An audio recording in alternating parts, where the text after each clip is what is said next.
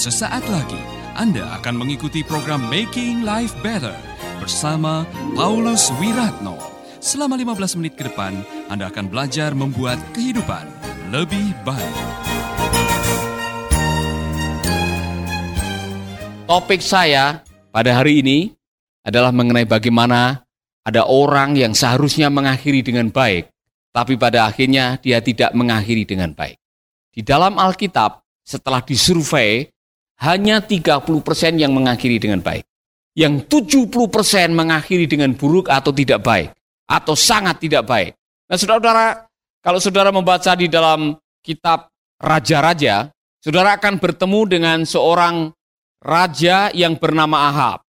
Saudara-saudara, Raja Ahab adalah salah satu raja yang mengakhiri dengan tidak baik. Saya dalam minggu ini saya belajar dari kitab Raja-Raja dan saya menemukan salah satu raja yang reputasinya tidak baik adalah Ahab dan dia sangat memprihatinkan sekali. Saudara, Ahab dibilang sebagai raja yang mungkin dia tidak menyadari bahwa akhir hidupnya dan riwayat hidupnya akan ditulis di Alkitab. Kalau saudara nanti bertemu dengan Ahab, saudara dan memberitahukan kepada Ahab, Pak Ahab, saya tidak menyangka bahwa kisah hidup Bapak ditulis di dalam buku Raja-Raja dan hampir tidak ada yang baik sama sekali sejarah hidup Bapak yang ditulis di Alkitab. Nah, saudara-saudara, kalau Ahab menyadari bahwa kisah hidupnya ditulis di Alkitab, Ahab akan menyesal bukan main. Saudara bisa membaca di dalam satu Raja-Raja pasal yang ke-16 ayat yang ke-27 mulai.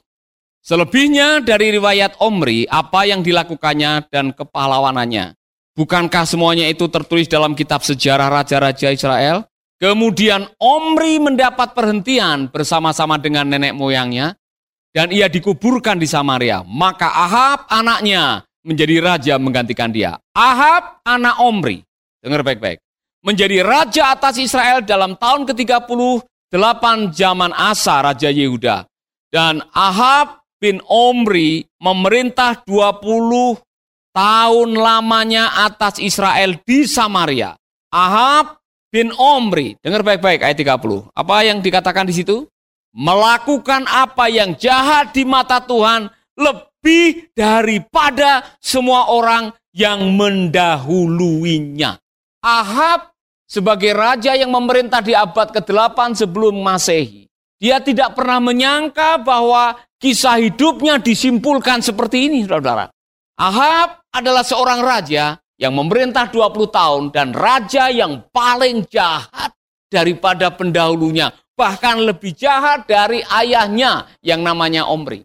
Makanya kalau punya anak nanti jangan sekali-sekali kasih nama baptisan Ahab atau Omri atau Isabel. Itu nama-nama yang tidak baik di Alkitab, saudara.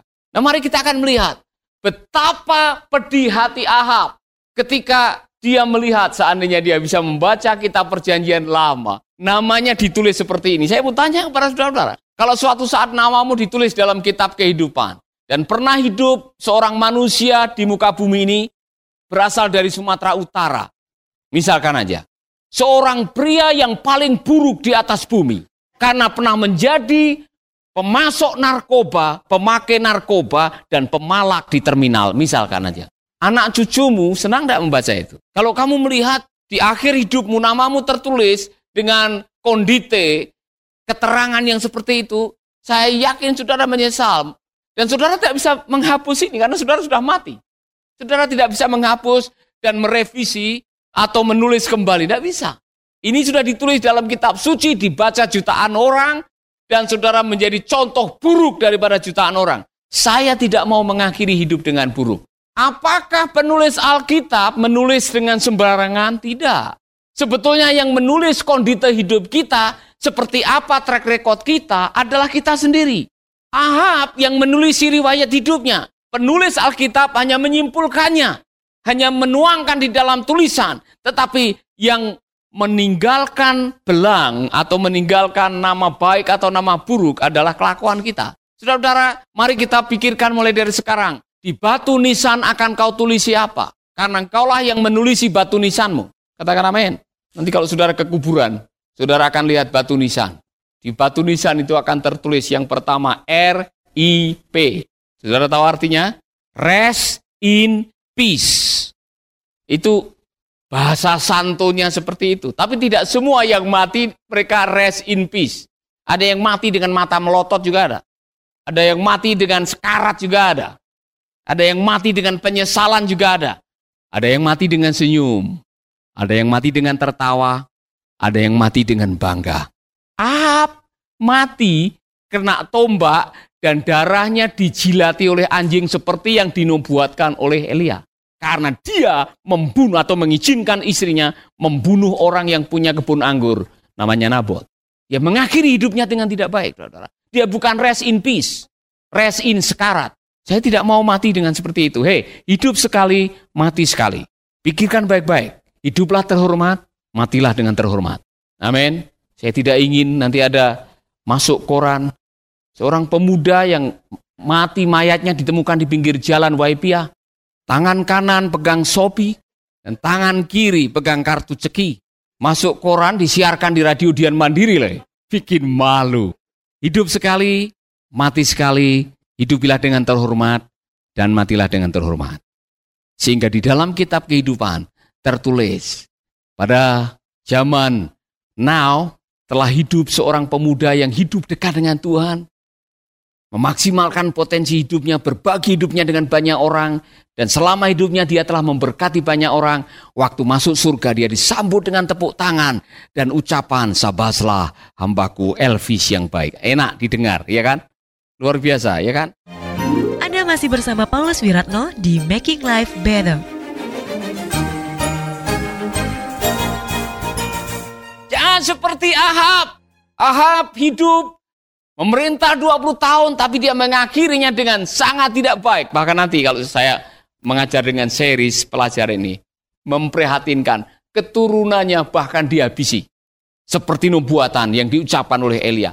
Keturunan Ahab karena begitu jahatnya sampai Tuhan tidak mau melihat keturunannya.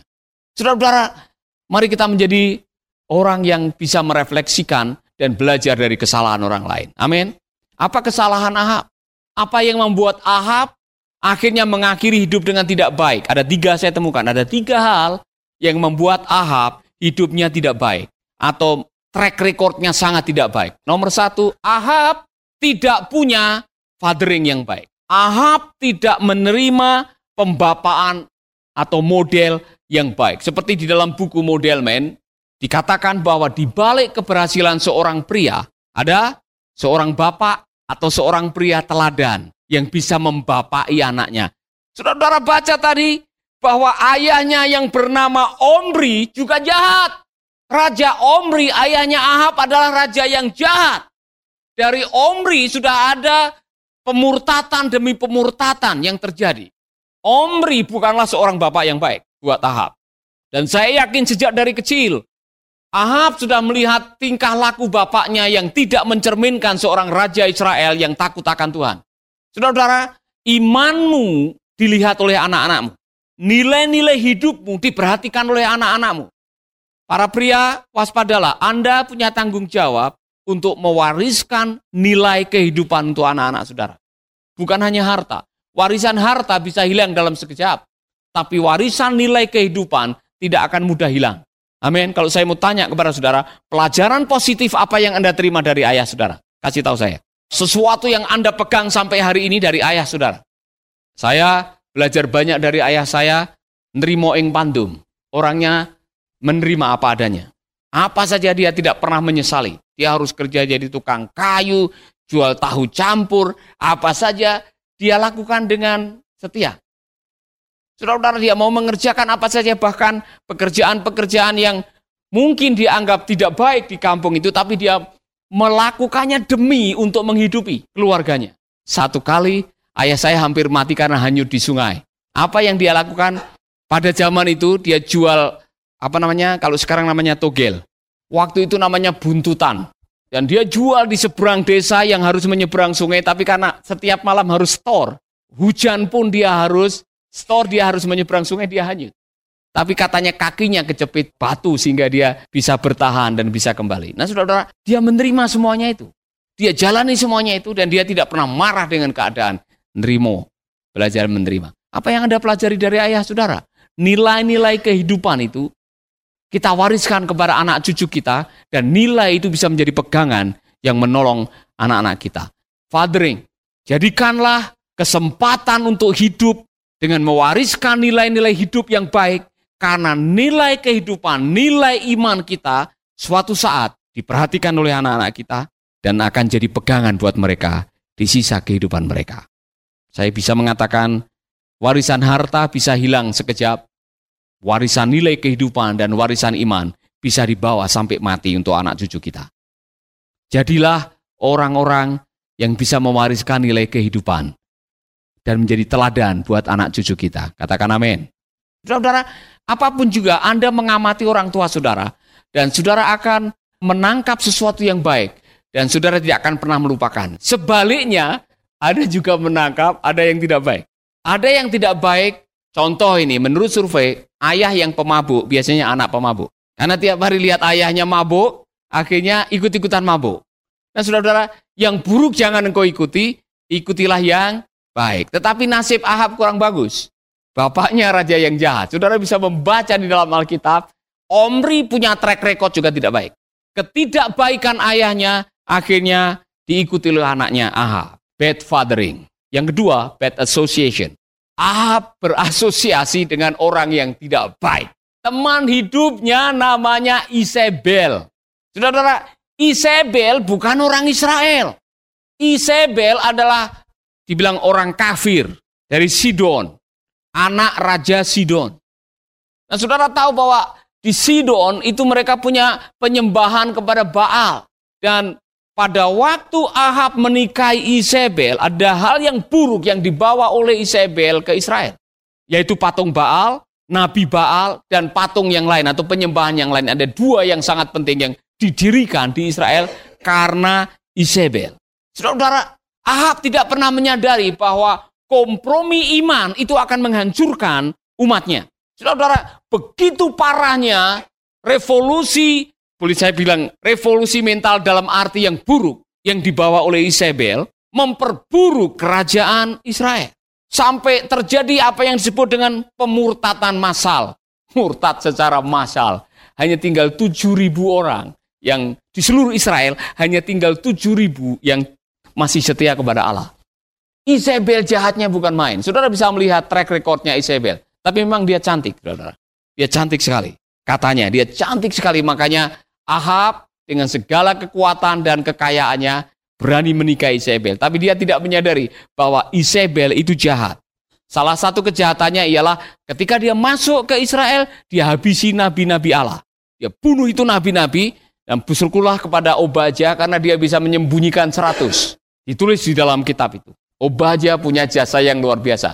Saudara kemudian dia membujuk suaminya untuk setiap desa, setiap pusat kota didirikan kuil Baal. Dari situlah terjadi pemurtatan massal. Isabel adalah wanita yang dia dibilang sangat jahat. Bukan hanya itu, nanti pada waktu ada peristiwa di mana Ahab ingin bangun villa dan di samping istana ada tanah yang punya kebun anggur, punya Nabot. Dia datang kepada Nabo, dia bilang, saya mau beli. Itu kebun anggur kamu. Mungkin dia punya ide mau bikin villa, kolam renang, atau tempat yang indah buat keluarganya. Nabot bilang, tidak mungkin kami menjual, ini tanah warisan Tuhan. Oke, kalau gitu tukar guling. Saya kasih kebun yang lebih luas. Saya kasih, atau berapapun harganya, berapapun harganya kamu minta, saya bayar. Nabot, permintaanmu kalau 10 kali lipat dari NJOP juga saya bayar di sini. Nambut bilang, tidak bisa Tuhan mohon maaf. Ini tanah warisan, kami tidak jual. Ahab ngambek. Ya pulang ke rumah, tidak mau makan, tidak bisa tidur nyenyak, tidak makan enak. Ngambek, ngambek, ngambek. Kemudian Isabel melihat suaminya kok seperti tidak ada selera makan, tidak ada gairah hidup. Ditanya, ada apa gerangan Tuhan, ada masalah apa? Oh itu, Sinabot bikin malu saya. Dia tidak tahu siapa yang berkuasa di dunia ini. Tidak mau menjual kebun anggurnya. Bilang, Tuhan besok saya beresin dia. Kurang ajarnya dia sewa preman istana. Kemudian itu Nabot difitnah seolah-olah dia tidak tunduk kepada Allah. Dan pada akhirnya dirajam batu dan mati. Dan dia pulang dan lapor kepada suaminya, suamiku sayang, urusan dengan Nabot sudah beres. Besok kamu pergi, lihat kebun anggur, itu sudah menjadi milikmu dan tidak keluar uang satu sen pun. Mungkin Ahab mengatakan haleluya, ya kan? Indahnya punya istri yang kejam seperti ini. Ahab tidak menyadari bahwa besoknya ada nabi yang mengatakan, aku melihat apa yang kamu lakukan. Dan ini adalah hukumannya. Karena kamu menumpahkan darah Nabot, kamu juga akan mati. Dan akhirnya nubuat, darahmu akan dijilati oleh anjing. Seperti apa yang kamu lakukan, darah ganti darah, nyawa ganti nyawa. Saudara-saudara, jahat. Isabel jahat, saking jahatnya sampai Elia ketakutan. Saudara-saudara, bad association. Punya teman hidup atau orang-orang di sekitar kita yang jahat bisa membuat kita jadi jahat. Makanya pergaulan yang buruk merusak kebiasaan yang baik.